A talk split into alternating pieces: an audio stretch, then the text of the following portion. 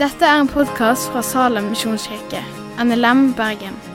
For mer informasjon om Salem, gå inn på salem.no.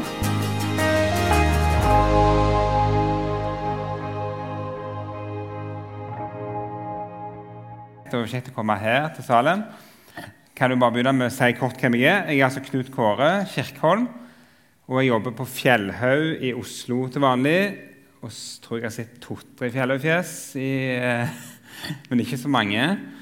Eh, men eh, der underviser jeg på høgskolen, Fjellhaug internasjonale høgskole, som har studier i teologi.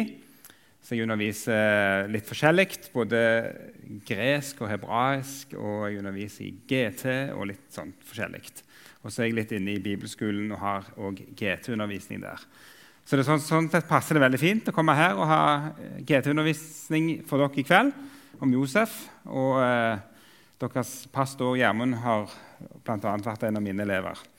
Eh, og det er jo et spennende tema, så jeg gleder meg til å snakke litt mer til dere om det. Ellers kan jeg bare også si at jeg bor på Fjellhaug, er gift og har eh, tre unger. Og kommer nok til å bo på Fjellhaug en god stund til. Det er en fin plass å være i Oslo, og kjekt å, å, jobbe der. Men dere hører sikkert på dialekten at jeg på ingen måte kommer fra Oslo.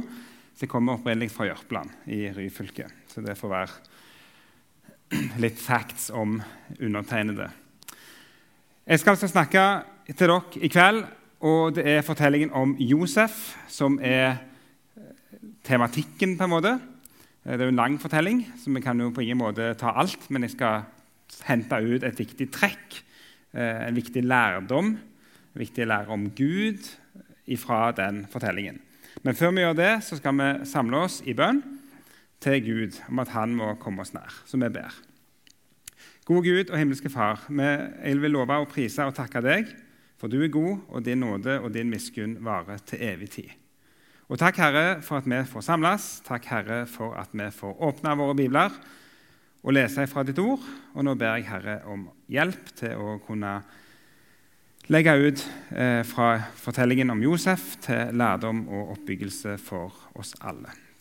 Ber om at du ved din ånd må komme oss nær, og at du må gjøre ting tydelig og forståelig for våre hjerter. Det ber jeg om i Jesu navn. Amen. Jeg skal begynne med et sitat som jeg er oppfostra på fra hjemme, fra min far, som ofte siterte Søren Kirkegårds, den danske filosofens kjente utsagn, at livet kan bare forstås baklengs, men må leves forlengs. Livet kan bare forstås baklengs, men det må leves forlengs. Eh, og Det sitatet det synes jeg passer veldig godt på fortellingen om Josef, sånn som vi finner den i Bibelen. Jeg vet ikke om jeg skal tørre å spørre, men Hvor mange har lest eller kjenner fortellingen om Josef av dere som er her? En liten hånd opp. Da kommer det ganske mange hender opp. Kanskje ikke alle. Så Det betyr at vi må prøve å repetere noen trekk fra den fortellingen. Men vi leser jo den fortellingen i slutten av første Mosebok. Den begynner i kapittel 37 og varer helt til kapittel 50. Så det er en ganske svær del av første Mosebok som er via til livet til Josef.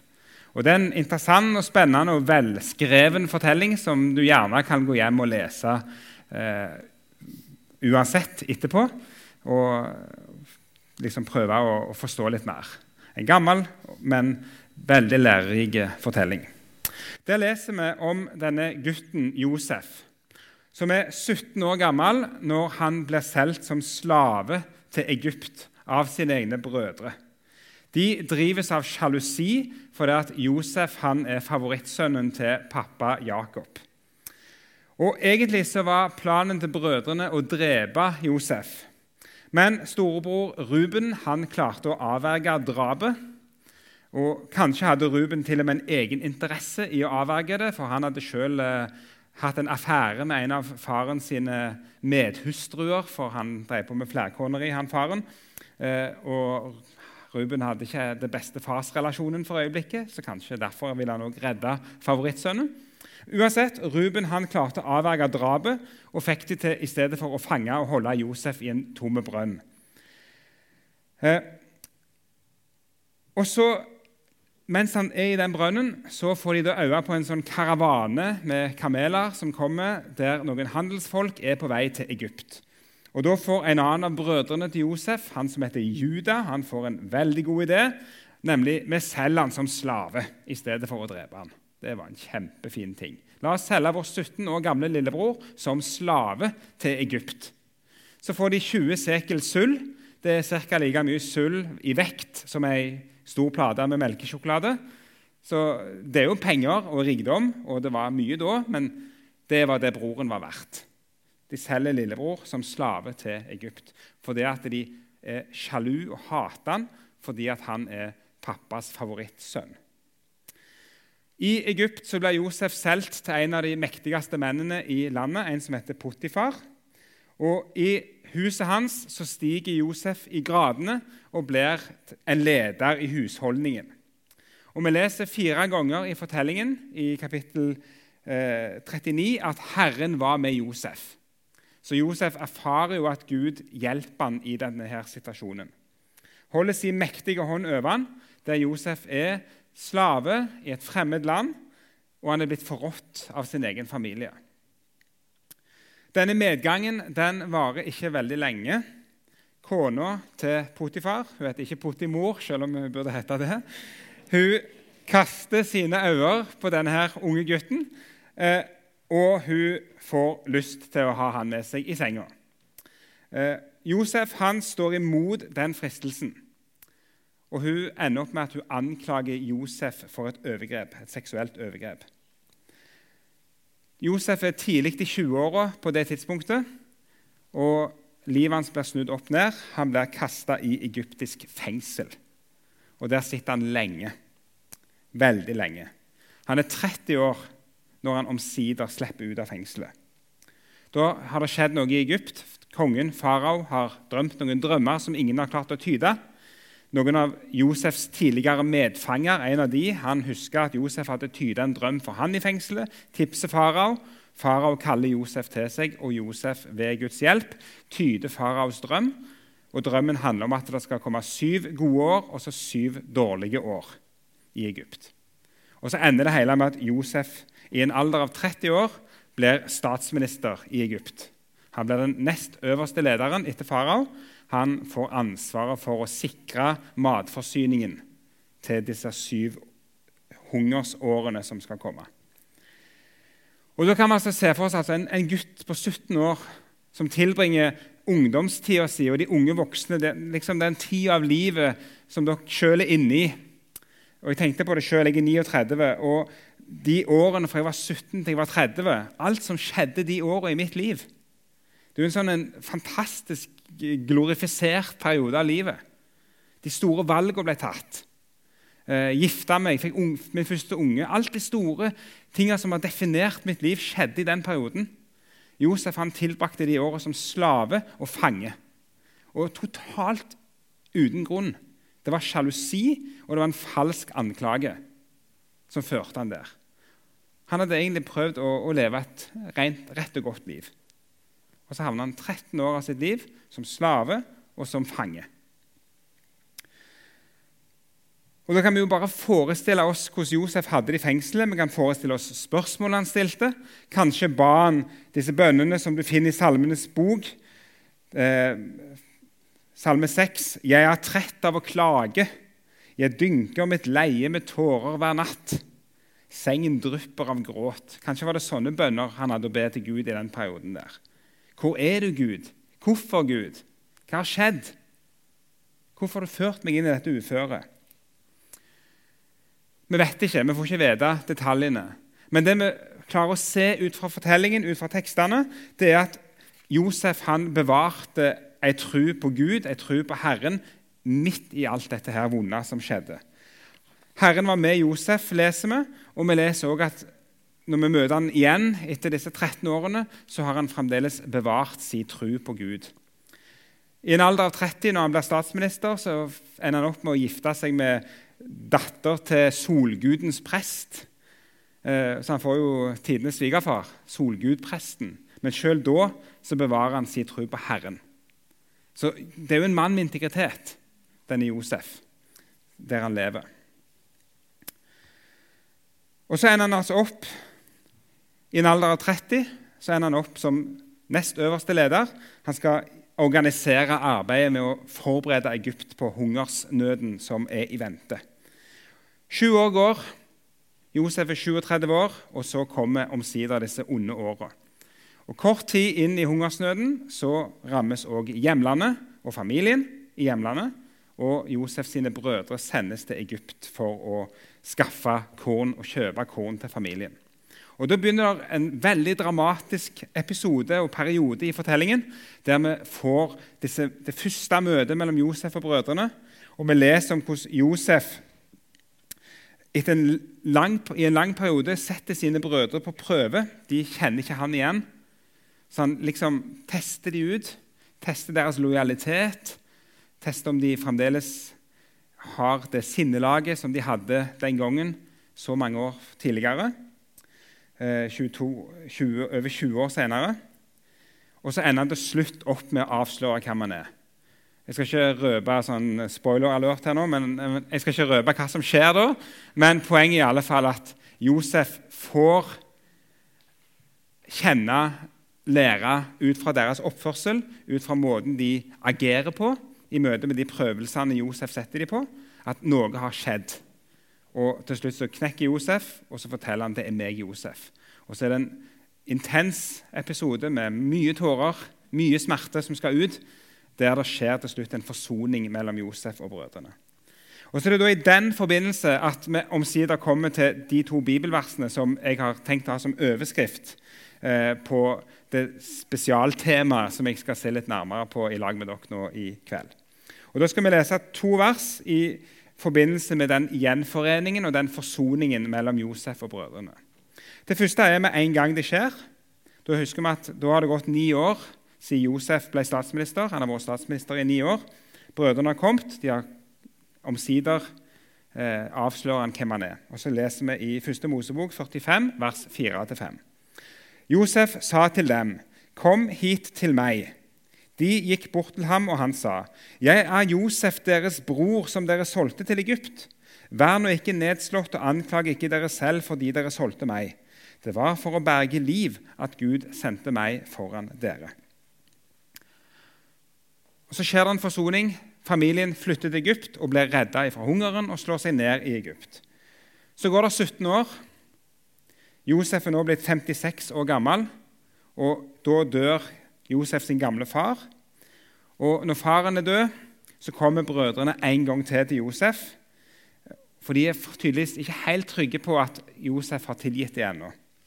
Og Da er det at Josef gjentar ord om tilgivelse til sine brødre. og Så sier han i kapittel 50, vers 20.: Dere tenkte å gjøre ondt mot meg, men Gud tenkte det til det gode. For han ville gi liv til et stort folk, slik vi ser i dag.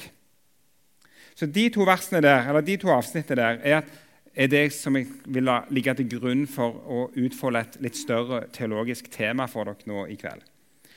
Det som Josef ser, Han ser jo Guds hånd i det som har skjedd. Han ser tilbake det livet som han har levd forlengs, ikke sant? og så forstår han det baklengs. Han ser bakover og forstår, og så får han øye på at Gud har vært her gjennom livet. Gud har tenkt dette til det gode.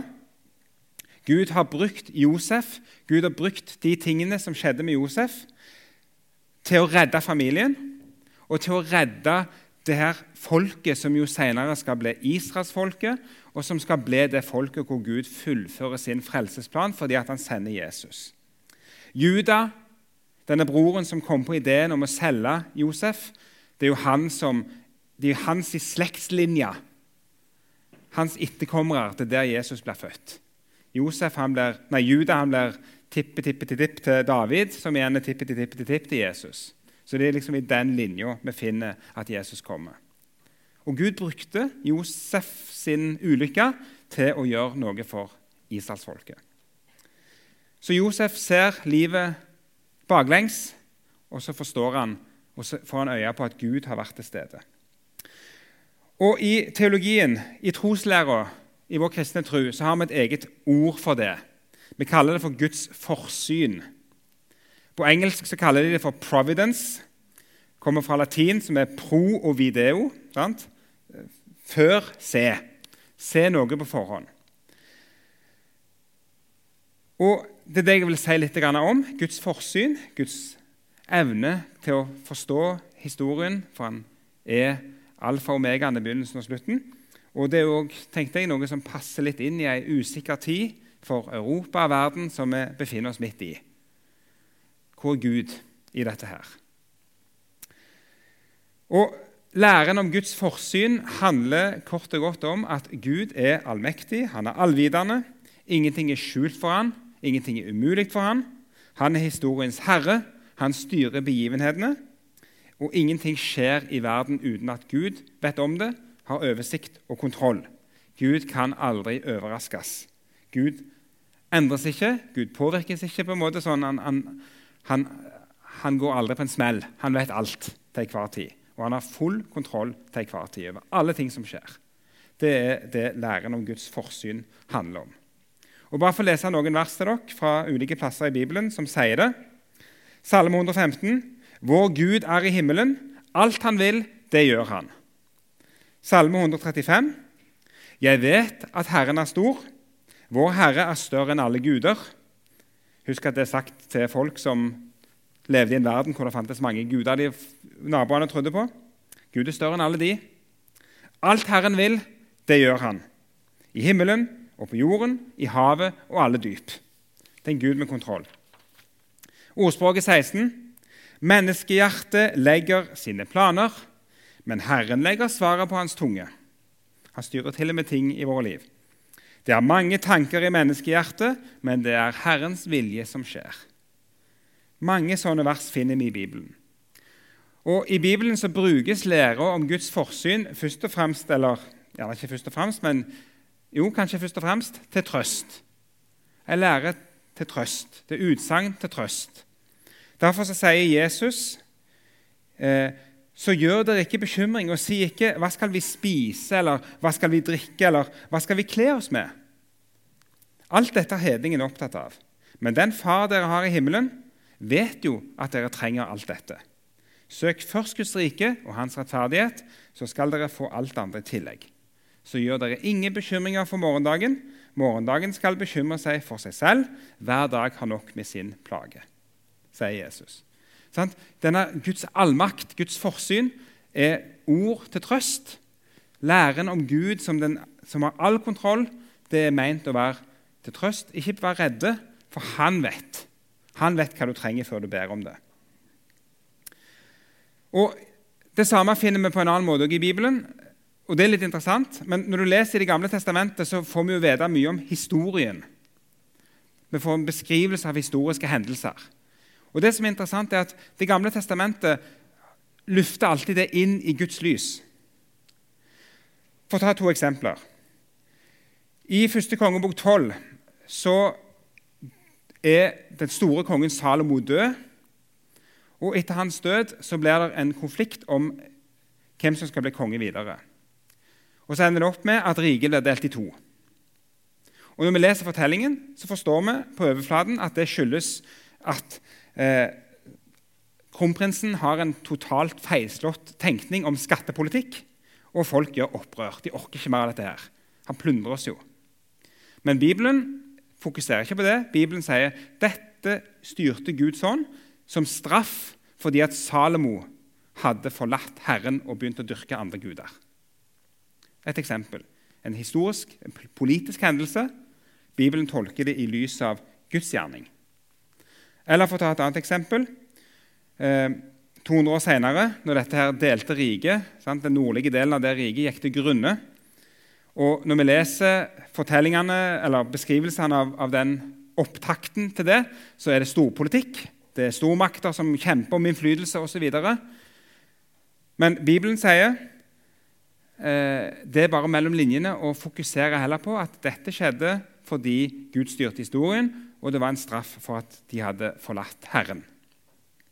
Så betyr ikke det at alle storpolitiske hendelser i verden er en straff fra Herren. Det vet vi ikke. Men poenget er at Bibelen er alltid opptatt av å, å trekke disse historiske begivenhetene inn i Guds lys. For Gud er Herren. Gud har kontroll. Guds forsyn, Guds makt. Han, han kjenner historien.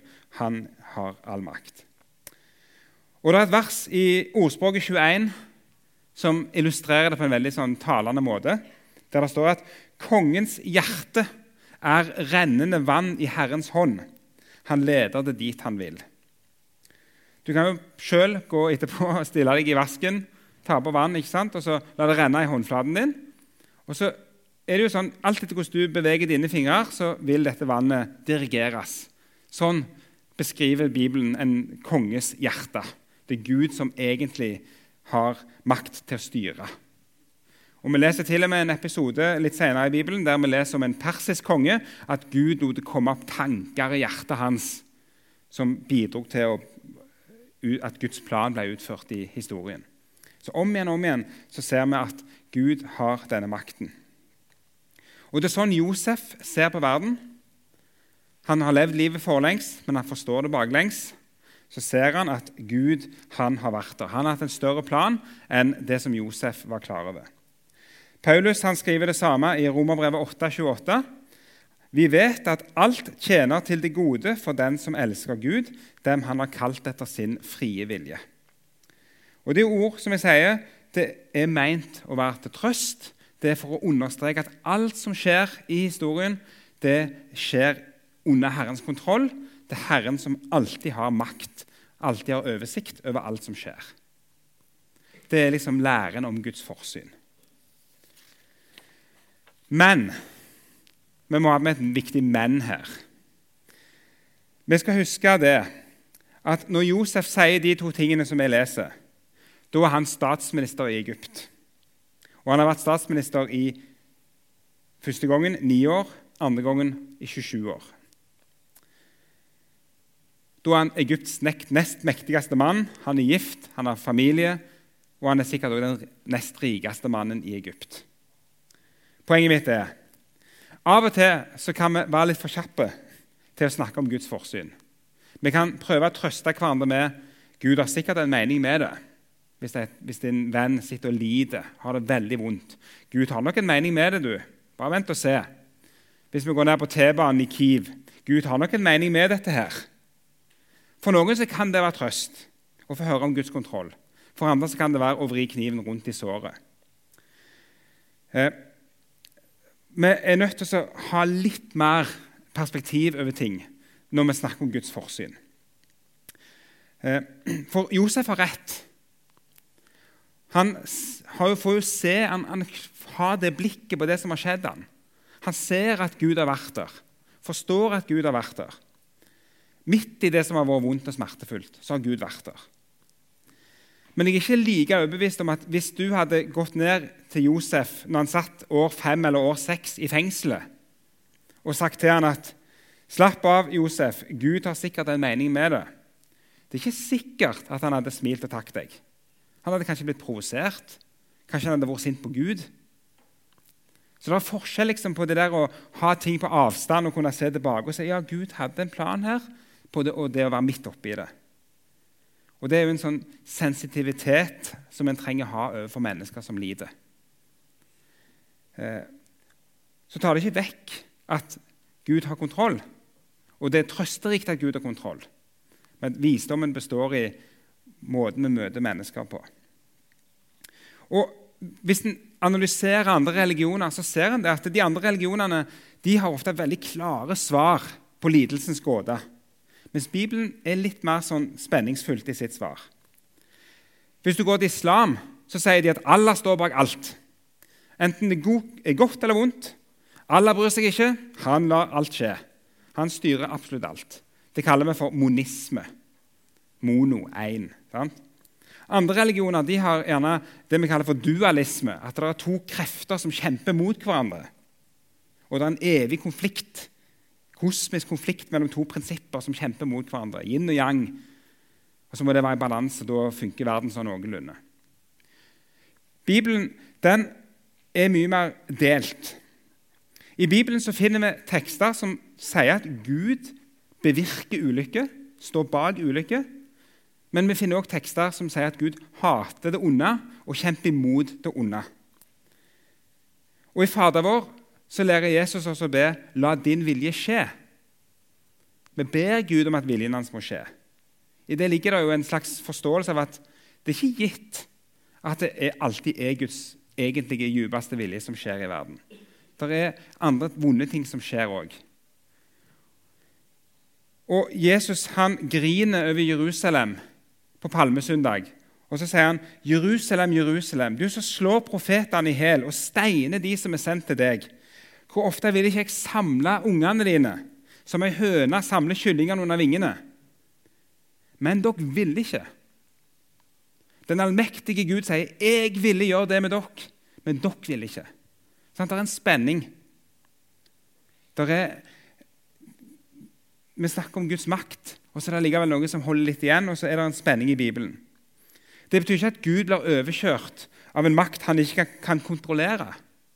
Men det handler om at Gud tillater ting.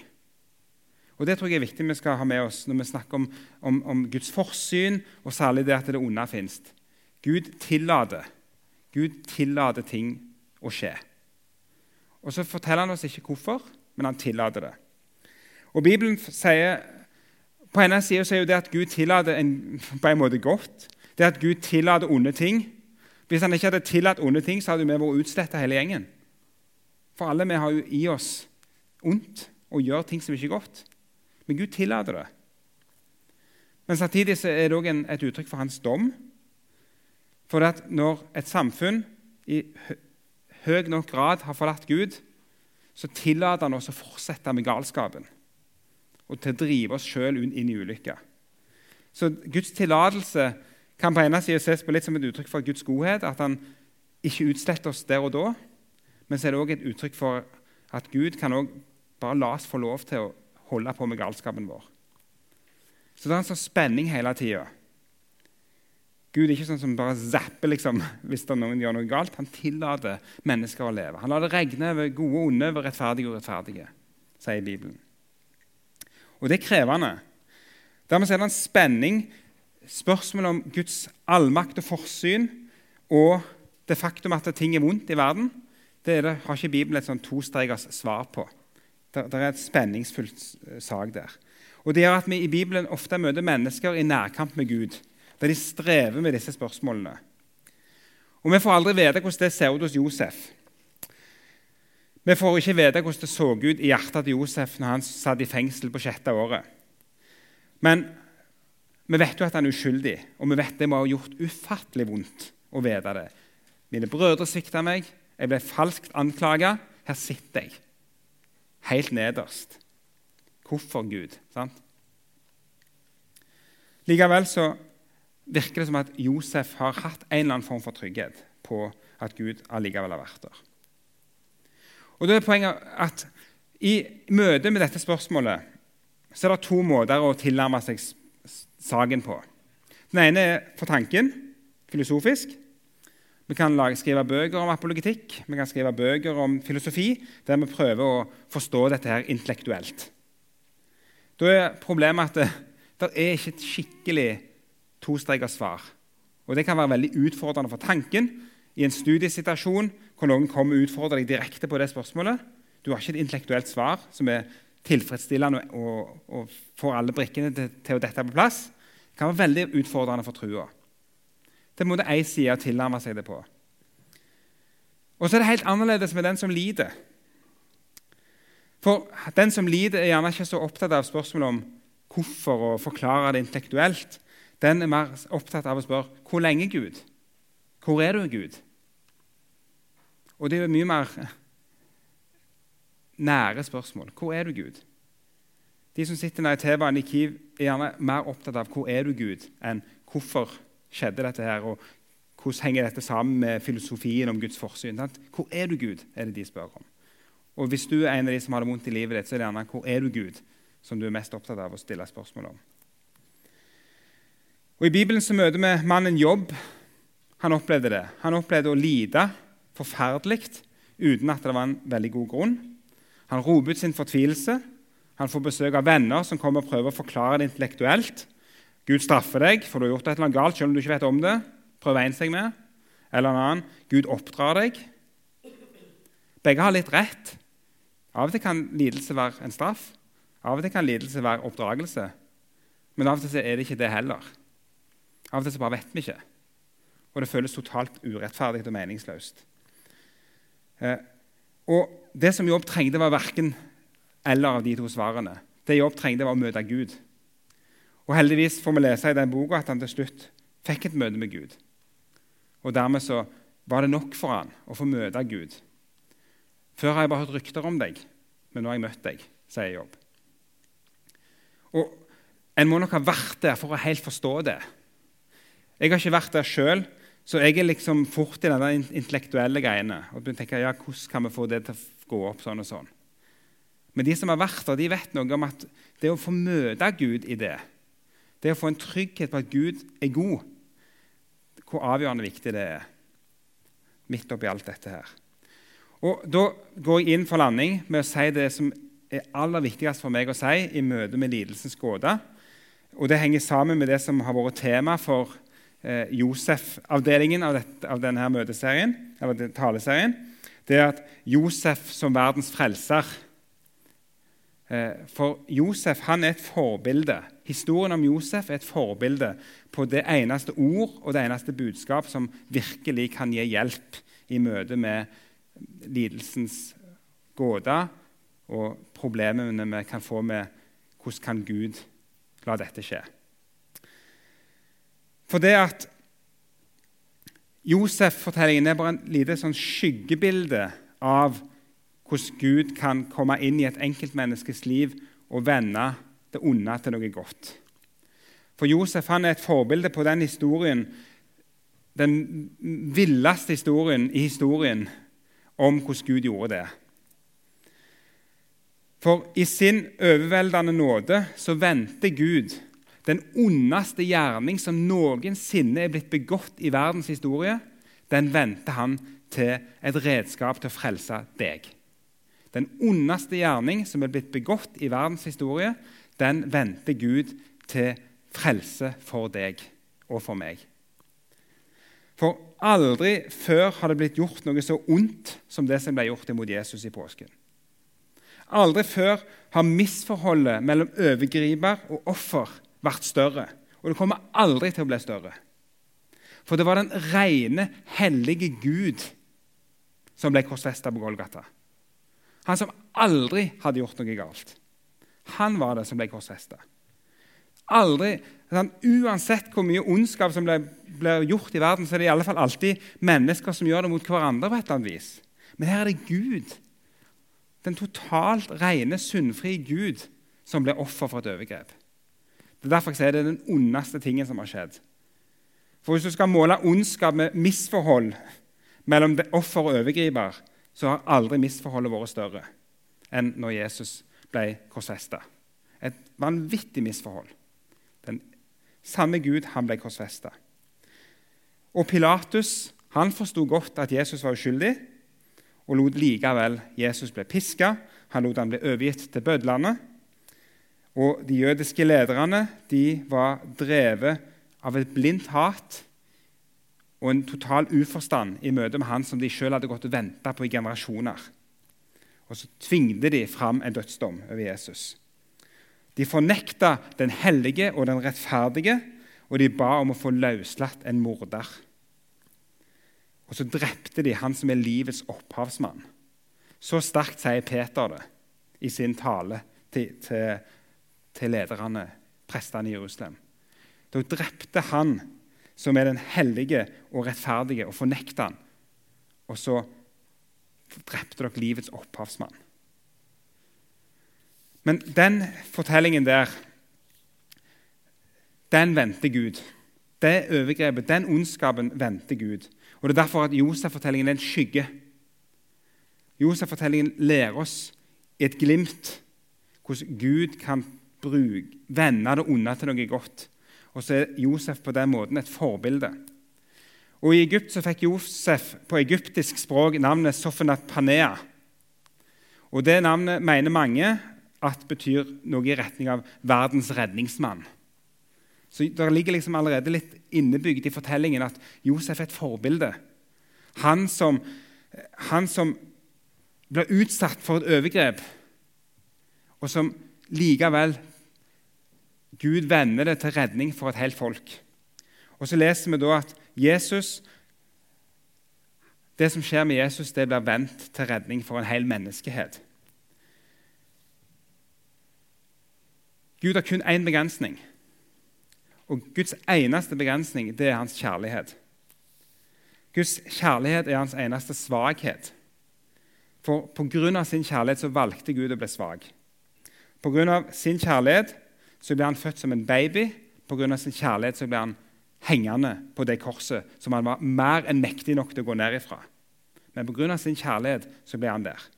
Hans allmakt Han var mektig nok til å gå ned fra korset. Han lot sin allmakt bli begrenset av hans kjærlighet. Og han steig ikke ned fordi han elsker deg, fordi han elsker meg. Og Det er dette Josef-fortellingen er en skygge på.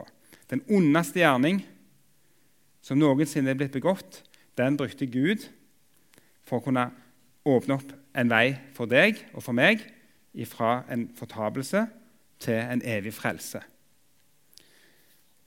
Og så betyr det ikke at det onde er godt. Det onde er og blir ondt. Men det betyr at Gud han er så mektig at han kan bruke selv det ondeste som har skjedd i historien, til å åpne himmelens port for oss. Så stor er vår Gud. Så mektig er vår Gud. Og Derfor så må livet og Bibelen og frelsen den er sånn at eh, vi lever og leser forlengs, men så kan vi se baklengs og forstå baklengs. Vi kan forstå i lys av Golgata kors og den tomme grava at Gud han er mektig til å gjøre de aller, aller største ting. Og Uten korset uten grava er verden og livet totalt meningsløst. Men grava er tom. Jesus har stått opp, og han lever. Og Det betyr at midt i all smerte og frustrasjon over det som skjer, det vi ikke forstår, så skal du få lov å tro at han lever. Han har åpna veien til det evige liv. Han har åpna veien til et håp om en tilværelse uten sorg, uten smerte, uten død, uten tårer, der alt det er vekke. For han er så stor og så mektig at han er i stand til å gjøre det. Og Det skal vi få lov å prise og takke han for, som avslutter med en bønn. Gode Gud og himmelske Far, jeg lover å takke deg, prise ditt navn, for din ufattelige kjærlighet. Og jeg takker deg, Herre, for din makt til å bruke sjøl det verste i din tjeneste. Så, Herre, så er det sånn at vi ikke forstår alltid. Og livet kan gjøre veldig vondt, og livet kan være fullt av spørsmål. Herre, jeg ber om at du må komme til de som har det vondt og vanskelig. Du må gi trøst, Herre, og du må gi håp. Og så ber jeg Herre om at du må fullføre og hjelpe oss fram til det endelige målet, det endelige håpet, den endelige gleden som venter oss. Så ber jeg i Jesu navn. Amen. Takk for at du har hørt på podkasten fra Salem, Bergen. I Salem vil vi vinne, bevare, utruste og sende. Til Guds ære. Vi ønsker å se mennesker finne fellesskap, møte Jesus og bli disippelgjort her i Bergen og i resten av verden. Vil du vite mer om oss, gå inn på salem.no.